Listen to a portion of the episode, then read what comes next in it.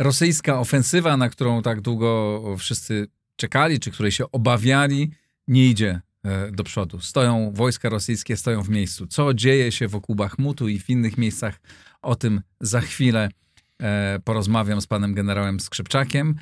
Dziękuję bardzo wszystkim patronom, dzięki którym ten program mogę e, prowadzić. Pozdrawiam wszystkich mecenasów. Jeśli ktoś z Was chciałby dołączyć do grona patronów, czy Wasza firma chciałaby zostać mecenasem Układu Otwartego, serdecznie zapraszam na mój profil w serwisie patronite.pl albo bezpośrednio go kontaktu e, ze mną. Jeśli Państwo chcieliby subskrybować mój newsletter, który właśnie zacząłem e, wypuszczać, dzisiaj napisałem pierwszy artykuł, jest piątek i w piątek wypuszczam pierwszy artykuł. Zapraszam, zasubskrybujcie, link e, znajdziecie pod nagraniem. A teraz już zaczynamy rozmowę. Oto mecenasi Układu Otwartego. Firma DevTalent, budująca zespoły programistyczne dla klientów z branży finansowej i cyberbezpieczeństwa.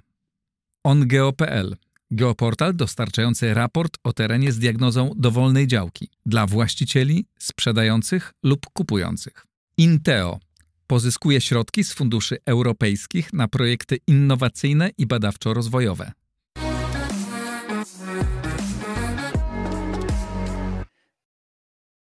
Generał Waldemar Skrzypczak, dzień dobry. Dzień dobry, witam pana, witam państwa, dzień dobry. Dawno się nie widzieliśmy na żywo, rozmawialiśmy, zwykle rozmawiamy, łączymy się z różnych miejsc yy, i widzimy się przez szybę. No bo jesteśmy zajęci często w rozjazdach, tak. zatem yy, rzadko mam okazję być w studio, ale jest okazja. Znakomicie pan wygląda.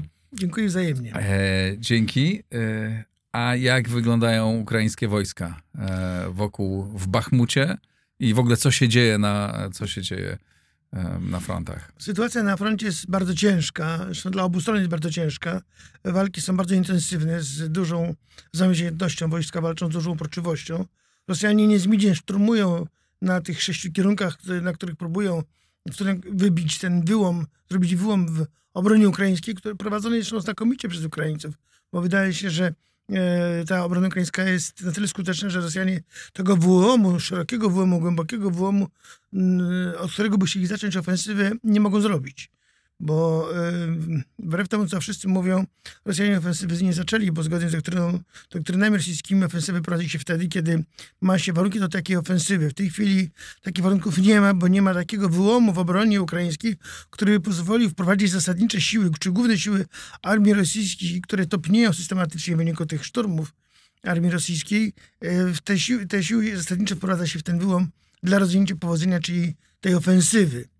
Y, zresztą nie widać takiego kierunku, który byłby tym y, ważnym dla Rosjan, najważniejszym, gdzie chcieliby prowadzić ofensywę, ponieważ oni uderzają po pierwsze na sześciu kierunkach, y, siły zużywają tych sześciu kierunkach.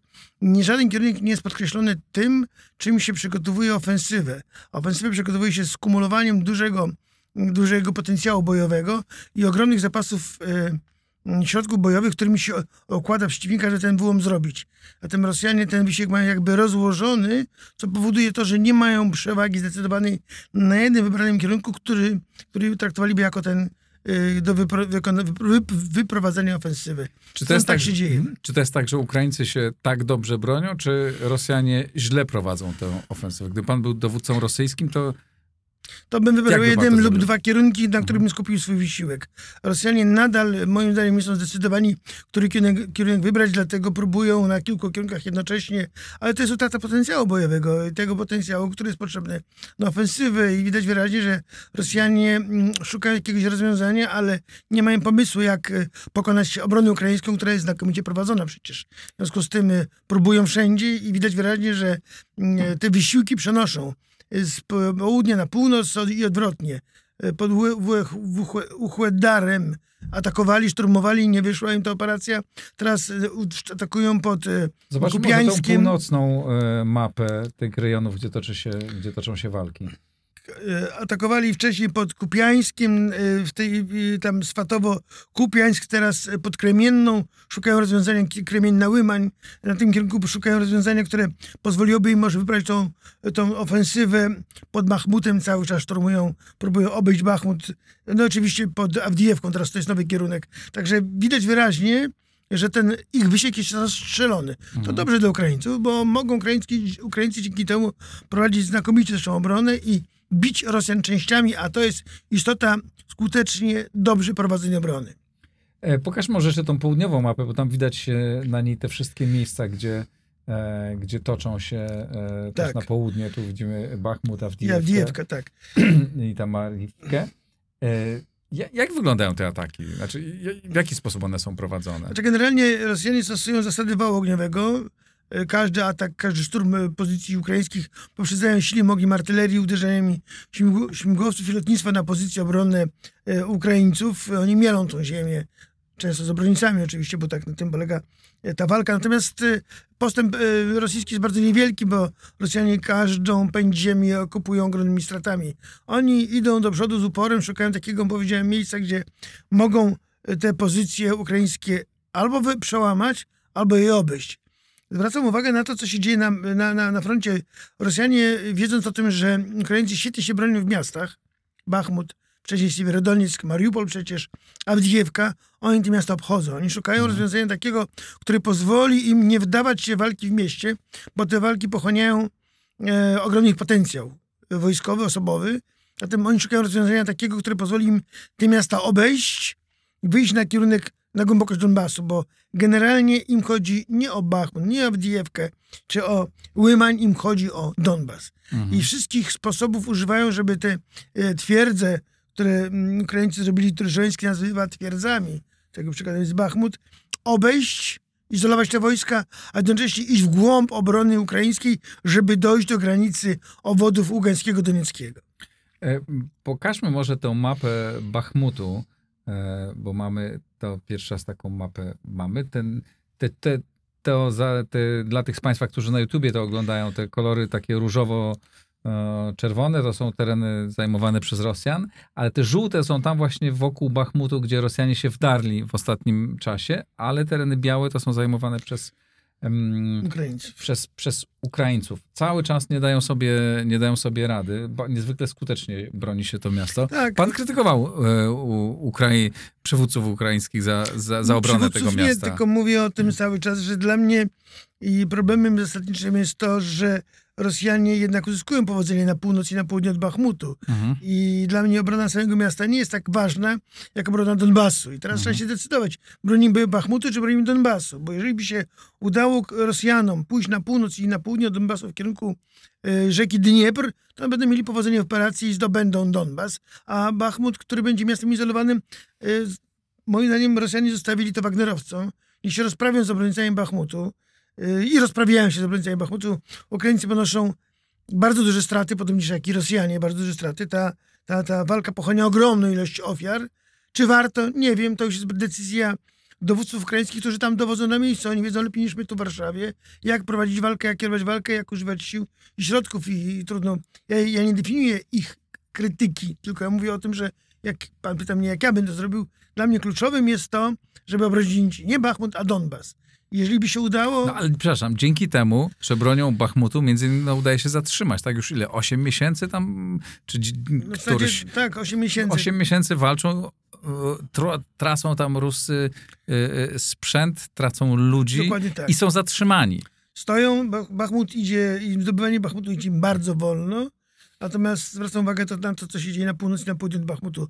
Wojska rosyjskie wchodzą Mhm. stopniowo w głąb terytorium Donbasu i to jest największe zagrożenie. Powtarzam, nie skupienie uwagi na jednym punkcie oporu, a na w skali operacyjnej jest, to jest obrona Donbasu. I wydaje się, że to jest, to powinno być głównym celem wszystkich tych, którzy mm, y, prowadzą tę operację, tym bardziej, że przygotowują się do kontrofensywy. O. I proszę zauważyć, że mm, każda pięć ziemi, którą Ukraińcy tracą, będą musieli Ukraińcy ją odbić i zapłacą za to krwią swoich żołnierzy. Ale właśnie tracą jej, tracą sprzęt, tracą ludzi, ale ziemi tracą ciągle bardzo, bardzo niewiele. Nie wiem, czy pan widział taki filmik wczoraj się pojawił. E, e, Prezydent Zełęński e, w ostatnich dniach, nie wiem kiedy to było dokładnie, bo tam daty nie podano, ale to było wczoraj, przedwczoraj, pojechał znowu do Bachmutu i wręczał ordery w jakiejś takiej hali żołnierzom. Niezwykle to był przejmujący obraz takiego prawdziwego przywódcy, który no, przywódca państwa, który jest ze, swoim, ze swoimi ludźmi, jedzie w najtrud, ryzykuje dużo, jedzie w najtrudniejszy w najtrudniejsze miejsce, pokazuje tym ludziom, że jest z nimi, z każdym po kolei przybija piątkę, daje im ordery, jeszcze robią sobie e, selfie e, wszyscy po kolei, to niesamowite widać tego, to przywództwo takiego, bardzo silne przywództwo, jednocześnie przywództwo, które jest z, ze swoimi ma znaczenie dla żołnierzy, to podnosi ducha bojowego żołnierzy na pewno mm. i obecność prezydenta jest na pewno znakomitym przedsięwzięciem, takim bym powiedział, która ma wesprzeć ducha bojowego, tak. umocnić przekonanie żołnierzy, że robią, że walczą o słuszną sprawę i to jest jak najbardziej potrzebne. Czy rozumiem, że na razie nic nie wskazuje na to, że Rosjanie mogą posunąć się dalej? W tym tempie, które Rosjanie mają, jeżeli chodzi o natarcie, to oni do końca Donbasu i do Krematorska, do tej rubieży tego miasta, do nie wcześniej za 3-4 miesiące, jeżeli utrzymają to tempo natarcia i będą mieli potencjał do tego, żeby cały czas potęgować te uderzenia na mm, Zwracam uwagę jeszcze cały czas na to natarcie na północ od e, Bachmutu, na południe od Bachmutu i na rejonie Abdiewki, gdzie e, wyraźnie rysują się rejony okrążenia wojsk ukraińskich. Jeżeli mhm. się Rosjanom uda przełamać tą obronę poza miastami, to te wojska mogą znaleźć ukraińskie w okrążeniu. Będą walczyły w okrążeniu, tym bardziej, że w tej chwili pojawił się nowy kierunek uderzenia armii rosyjskiej na kierunku Kremienna-Łymań, gdzie E, Rosjanie prawdopodobnie chcą dojść do Łymania, gdzie się, będzie się rysował kolejny e, rejon okrążenia, e, próba okrążenia armii ukraińskiej. Pytanie jest, na ile jeszcze starczy potencjału Rosjanom? Moim zdaniem powoli się ten potencjał ofensywny wyczerpuje i Rosjanie nie mają takiegoś potencjału. Zresztą ciekawostka wczorajszego dnia to transporty kolejowe z czołgami T-55, które na front jadą tak się zastanawiam, to kogo... Są, to są takie czołgi sprzed, yy, sprzed wieków, które... Ja swoją służbę zaczynałem na tych czołgach, Aha. także te czołgi znakomicie znam. To jak one wyglądają, proszę Znaczy opowiedzieć. generalnie, powiem tak, yy, na pewno nie jest to broń ofensywna na te czasy, Aha. natomiast jeśli chodzi o ich skuteczność w obronie, na pewno będzie, jeżeli yy, zostaną one wkopane jako, jako punkty oporu, yy, czy, czy rażenia ogniowego, to będą niezwykle skuteczne. One mają dobrą armatę, niezwykle celną armatę Aha. kalibru 100 mm gwintowaną, i, i ta armata jest zwykle, powtarzam, skuteczna. Amunicja zależy. Myślę, że oni mają amunicję przeciwpancerną, która potrafi y, po trafieniu pociskiem potrafi y, obezwładnić załogę w czołgu przeciwnika. Czy to będzie Leopard, czy to będzie Abrams, siła uderzenia może spowodować to, że siądzie elektronika w wozie bojowym, w Abramsie czy w, Abr czy w Leopardzie i może spowodować to poważne jakby mm, ogłuszenie czy czy, czy obezwładnienie załogi czołgu, czołgu y, ukraińskiego. Rozumiem, że w tych T-54 czy T-55 nie ma żadnej elektroniki, że to jest wszystko mechaniczne. To jest, tak, to jest analogowe, tam nie ma jakiejś wielkiej elektroniki. Y, to jest bardzo są proste urządzenia w tym czołgu. Przy czym zastanawiam się, skąd oni biorą żołnierzy, wezmą żołnierzy tych czołgów i jeżeli oni już się wysyłają na front, czyli moim zdaniem sięgają po y, takich, którzy na tych czołgach pełnili służbę. Czyli sięgają po 50, być może jeszcze więcej latków, którzy będą w wojsku tymi czołgami się posługiwali. E, bo ci ludzie w tej chwili dobiegają 50, 60. Być może po takie rezerwy sięgają, e, ludzkie rezerwy, i bo nie wyobrażam sobie, żeby teraz chcieli tych, e, których wcielają rekrutów, na te czołgi szkolić, no bo to też wymaga szkolenia. Natomiast tak powiem panu, że czołg jest na tyle prosty, że ja wsiadam ten czołg dzisiaj i mogę bardzo sprawnie nim kierować, bardzo sprawnie prowadzić ogień z niego. To te umiejętności zostają na całe życie. To takie wygląda na bardzo desperacki e, ruch. Znaczy widać wyraźnie, że Rosjanie przygotowują się do kontrofensywy ukraińskiej. Mhm. Bo te działania, do obrony. Te, te czołgi nie są do prowadzenia działań ofensywnych, tylko one są do budowania takich rejonów, które będą bronione, rejony umocnione, które będą bronione między innymi y, z wykorzystaniem tych czołgów mhm. starego typu. Czyli Rosjanie przy, przygotowują strategiczną operację obronną tak dla laików, jak pan porównał Leopard 2 i ten T-54, to... To znaczy to generalnie jest, to nie ta liga. To jest co, Syrena i... To, to, to maluch, maluch, Syrena to jest maluch. i Mercedes tej Aha. klasy. Natomiast y, Leopard ma dużo większe zdolności oczywiście i y, czołg T-55 był przygotowywany wtedy, kiedy Niemcy mieli Leopardy jedynki, jedynka A1, A2. Na tym poziomie mhm. to były te czołgi. Mhm. Tylko, że jedynka ma armatę 105, 105, a nasze miały 100 mm. Powtarzam, armata niezwykle celna. Mhm. Te 10 e, TG, to jest bardzo celna armata. Czyli będzie się bronić. To zdecydowanie to mhm. są czołgi, które mają, Rosjanie zamierzają bronić o- określonych rejonów, gdzie będą e, budowali rejony umocnione, które będą niezwykle trudne do pokonania przez nacierające wojska ukraińskie. Pod warunkiem, że będą wiedzieć, gdzie, że będą w tym miejscu, w którym Ukraińcy będą atakować. E, A znając z kolei zdolności wywiadowcze Ukraińców, no to jest duża szansa na to, że zaatakują w miejscu innym. Tak, myślę, że Ukraińcy tą kontrowersję przygotowują, choć moim zdaniem nie są do niej jeszcze gotowi, ponieważ to, co miało być, trafić na front, trafić do armii ukraińskiej, do nowych formacji, jeszcze nie w pełni trafiło, a to wymaga przygotowania.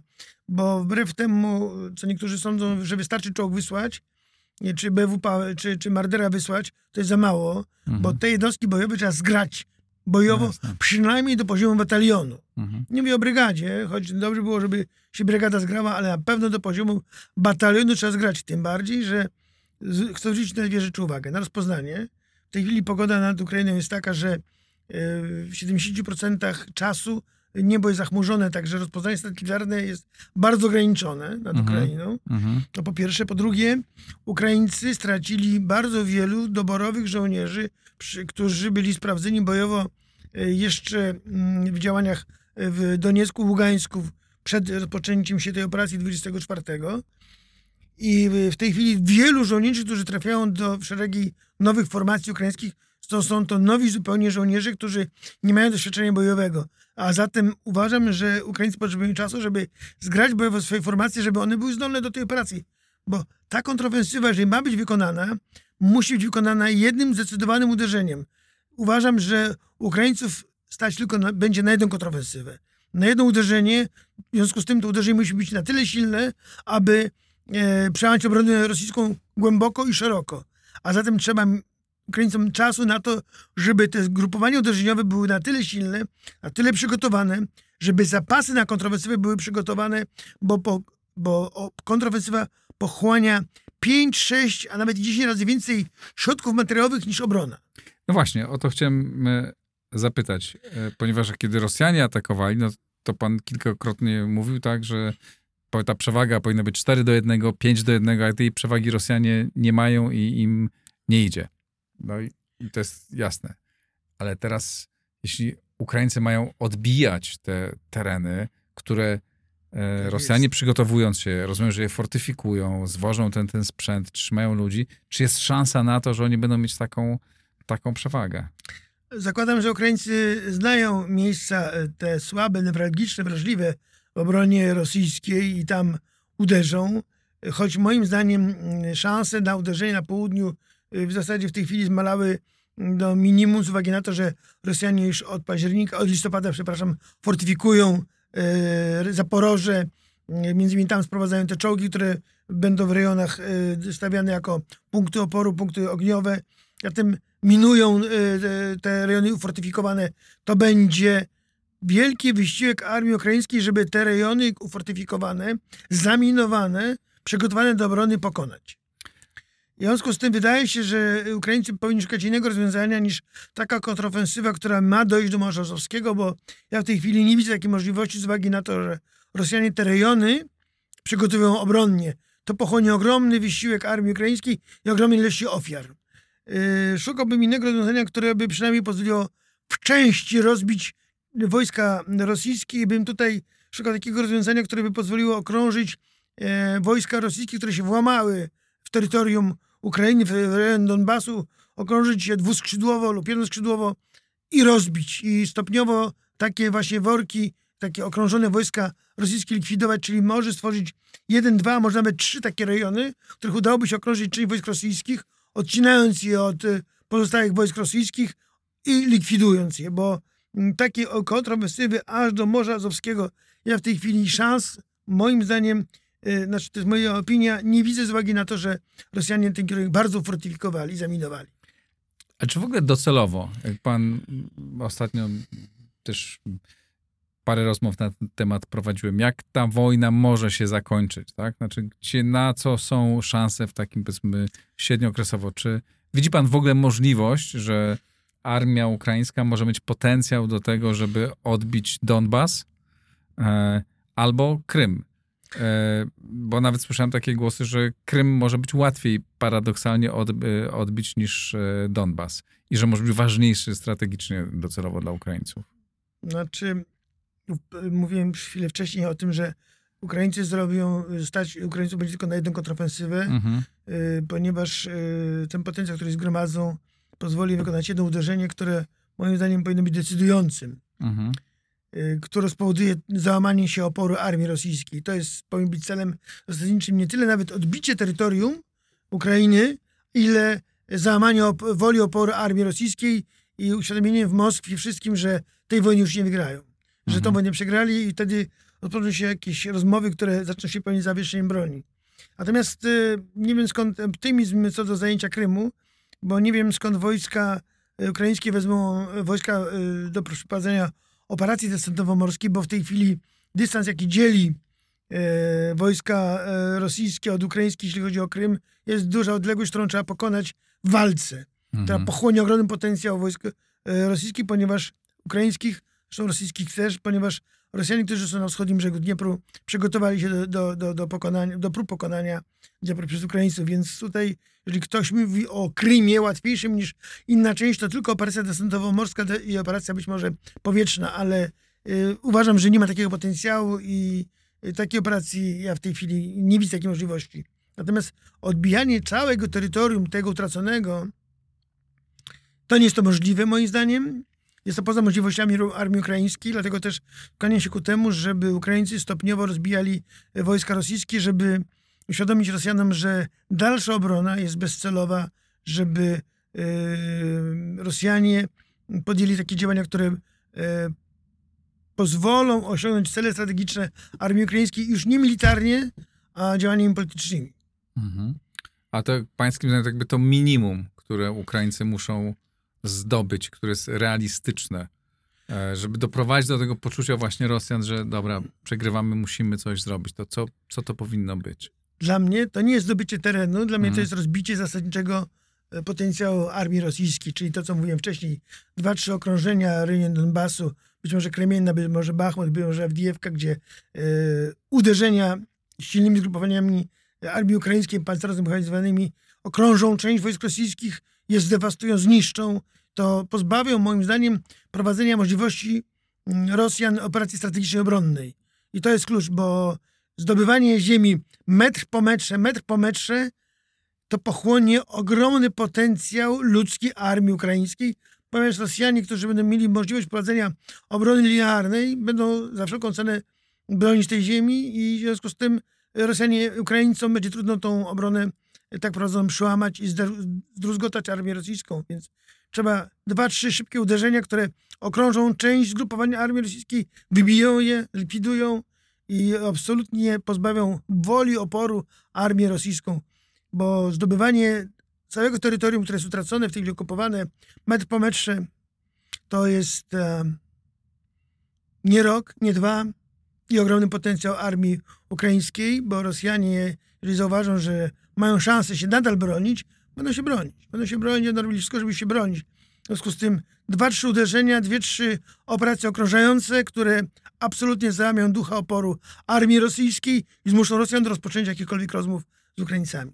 Wiem, że pan rozmawiał e, e, niedawno z żołnierzami czy z dowódcami ukraińskimi.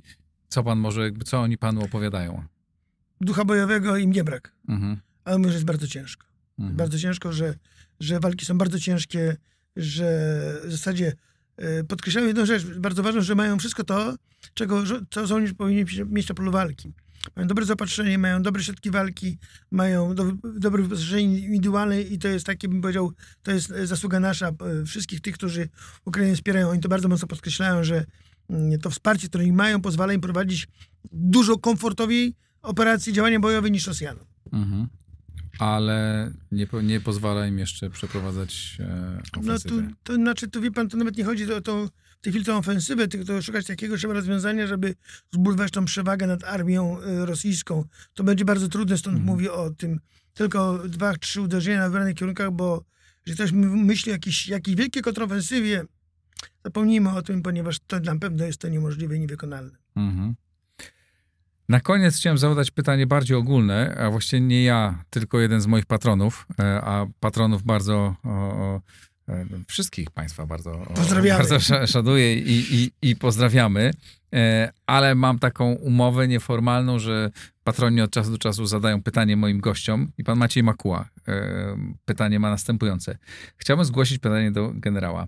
Jaka jest struktura wojska, być może inna w doktrynie rosyjskiej, inna w NATO, w podziale na siły bojowe i zaplecze logistykę? Czyli obrazowo, jeśli słyszymy na przykład o 300 tysiącach zmobi- 300 tysiącach zmobilizowanych żołnierzy, to znaczy, że te 300 tysięcy dostaje karabiny, czołgi, samoloty i walczy, czy też połowa walczy, a połowa to zaplecze? Jak możemy dzielić te medialne wielkości, odnosić się do rzeczywistej sytuacji? Znaczy generalnie te 300 tysięcy żołnierzy, oni zmobilizowali milion dwieście. Mhm. E, Z tego Oni, mówi pan o, o Rosjanach. o Rosjanach. Mhm. Rosjanie zmobilizowali milion dwieście w ubiegłym roku i część tego wojska, która z mobilizacji była, to ona się nadawała do formacji bojowych. I mm, te 300 tysięcy, o których mm, mówi pan Makoła, to oni byli skierowani na uzupełnienie potencjału utraconego w formacjach bojowych, które mm, w pierwszej e, okresie wojny zostały rozbite przez armię ukraińską. Rosjanie je odtwarzali, stąd w związku z tym em, na poligonach zachodniej części Rosji e, tych rezerwistów, tych 300 tysięcy, skierowano do jednostek, które były pobite, które trzeba było od nowa kompletować, od nowa przeszkolić. Jednocześnie ci żołnierze również byli tymi, którzy formowali, na bazie których formowano nowe jednostki wojskowe. Z tego miliona dwustu część żołnierzy y, poszła do jednostek tak zwanych tyłowych, czyli y, tych, które zajmują się tą daleką, odległą logistyką i oni są y, wykorzystywani do przerzutu środków materiałowych dla wojsk walczących. Y, Część, która się nie nadawała ani do tyłów armii, ani do y, formacji bojowych, została skierowana do przemysłu zbrojeniowego. Tam pomagają y, uruchomić większe możliwości produkcyjne. Tych 300 tysięcy, które, o których mówi pan Makuła, większość trafiła na pewno do formacji bojowych. Bojowych mówię w tym sensie, że tam jest, można powiedzieć to tak, na wojska walczące, czyli potencjał bojowy, czyli wojska mm, tego działania bojowego, wojska wsparcia bojowego. Myślę tu o artylerii, myślę tu o wojskach inżynieryjnych, tam też poszli, ci, myślę tu o wojskach rakietowych. Mm, Część poszła do jednostek tyłowych, ale tych, które wspierają bezpośrednio walczące wojska, czyli do logistyki, czyli do jednostek, które z, wspierają bezpośrednio wojska walczące, które Mhm. są e, bardzo blisko nich i zapatrują te wojska walczące, więc ten potencjał poszedł głównie na uzupełnienie jednostek, e, powiedzmy, do poziomu brygady i dywizji e, armii rosyjskiej. Aha. No, dobrze, a u nas y, na zachodzie, tak? Y, Jeżeli się, my na przykład mówimy, docelowo chcielibyśmy mieć 300 tysięczną armię, tak? Mamy teraz 100-150, zależy jak liczyć. To jaka część z tego jest, e, e, to, Bojowa, są, to jest bojowa, jaka część to jest administracja, logistyka? Znaczy generalnie, jeżeli armia miała mieć 300 tysięcy, to na pewno ten potencjał bojowy powinien być przynajmniej w jednej, y, drugiej potencjałem bojowym tej armii. Mhm. Y, pozostali pracują na tych bojowych. Są y, w czasie II wojny światowej Patton mówił, że na jednego walczącego pracuje 4-5 y, żołnierzy na tyłach. I to nie urzędników, ale logistyków, którzy zapatrują to wojsko, dowożą amunicję, ponieważ wojsko zużywa dużo, duże środki, środ- dużo środków walki. A jak to jest u nas dzisiaj w obecnej nas- polskiej woj, wojsku polskim? Znaczy armia w tej chwili ma ponad 100 tysięcy i z tego, z tych 100 tysięcy potencjału bojowego jest w granicach 60% pozostali to są ci, którzy tą armię obsługują, zapatrują yy, logistycznie. I to jest zdrowa proporcja. Wydaje się, że to jest zdrowa proporcja. Wie Pan, yy, my opieramy yy, rozbudowę armii w tej chwili na yy, formowaniu nowych dywizji. 18 dywizja zmechanizowana, powstanie, już powstaje pierwsza dywizja legionów yy, na Podlasie. W związku- w z tym yy, duża część tego, z tych 300 tysięcy będzie ulokowana w tych dywizjach mm, wojsk lądowych. Oczywiście w marynarce w siłach powietrznych i, i wojska obrony, obrony terytorialnej, ale głównie ten potencjał z tych 300 będzie stanowił e, siły mm, wojsk lądowych. Bardzo dziękuję za to wyjaśnienie i dziękuję, Dziękuję bardzo. za, za dzisiejszą wizytę tu w Dziękuję studio. E, Jeśli Państwo chcieliby zadawać swoje pytania, zostańcie patronami. E, Bardzo mm, to wsparcie jest potrzebne programowi. Dzięki temu on jest niezależny i to jest, e, to mm, daje stabilność e, układowi otwartemu. Dziękuję bardzo. Komentujcie, subskrybujcie, piszcie co o tym sądzicie. Do zobaczenia, do usłyszenia. Przygotowując odcinki Układu Otwartego, korzystam z serwisu Infopiguła. Link do Infopiguły znajdziecie pod nagraniem.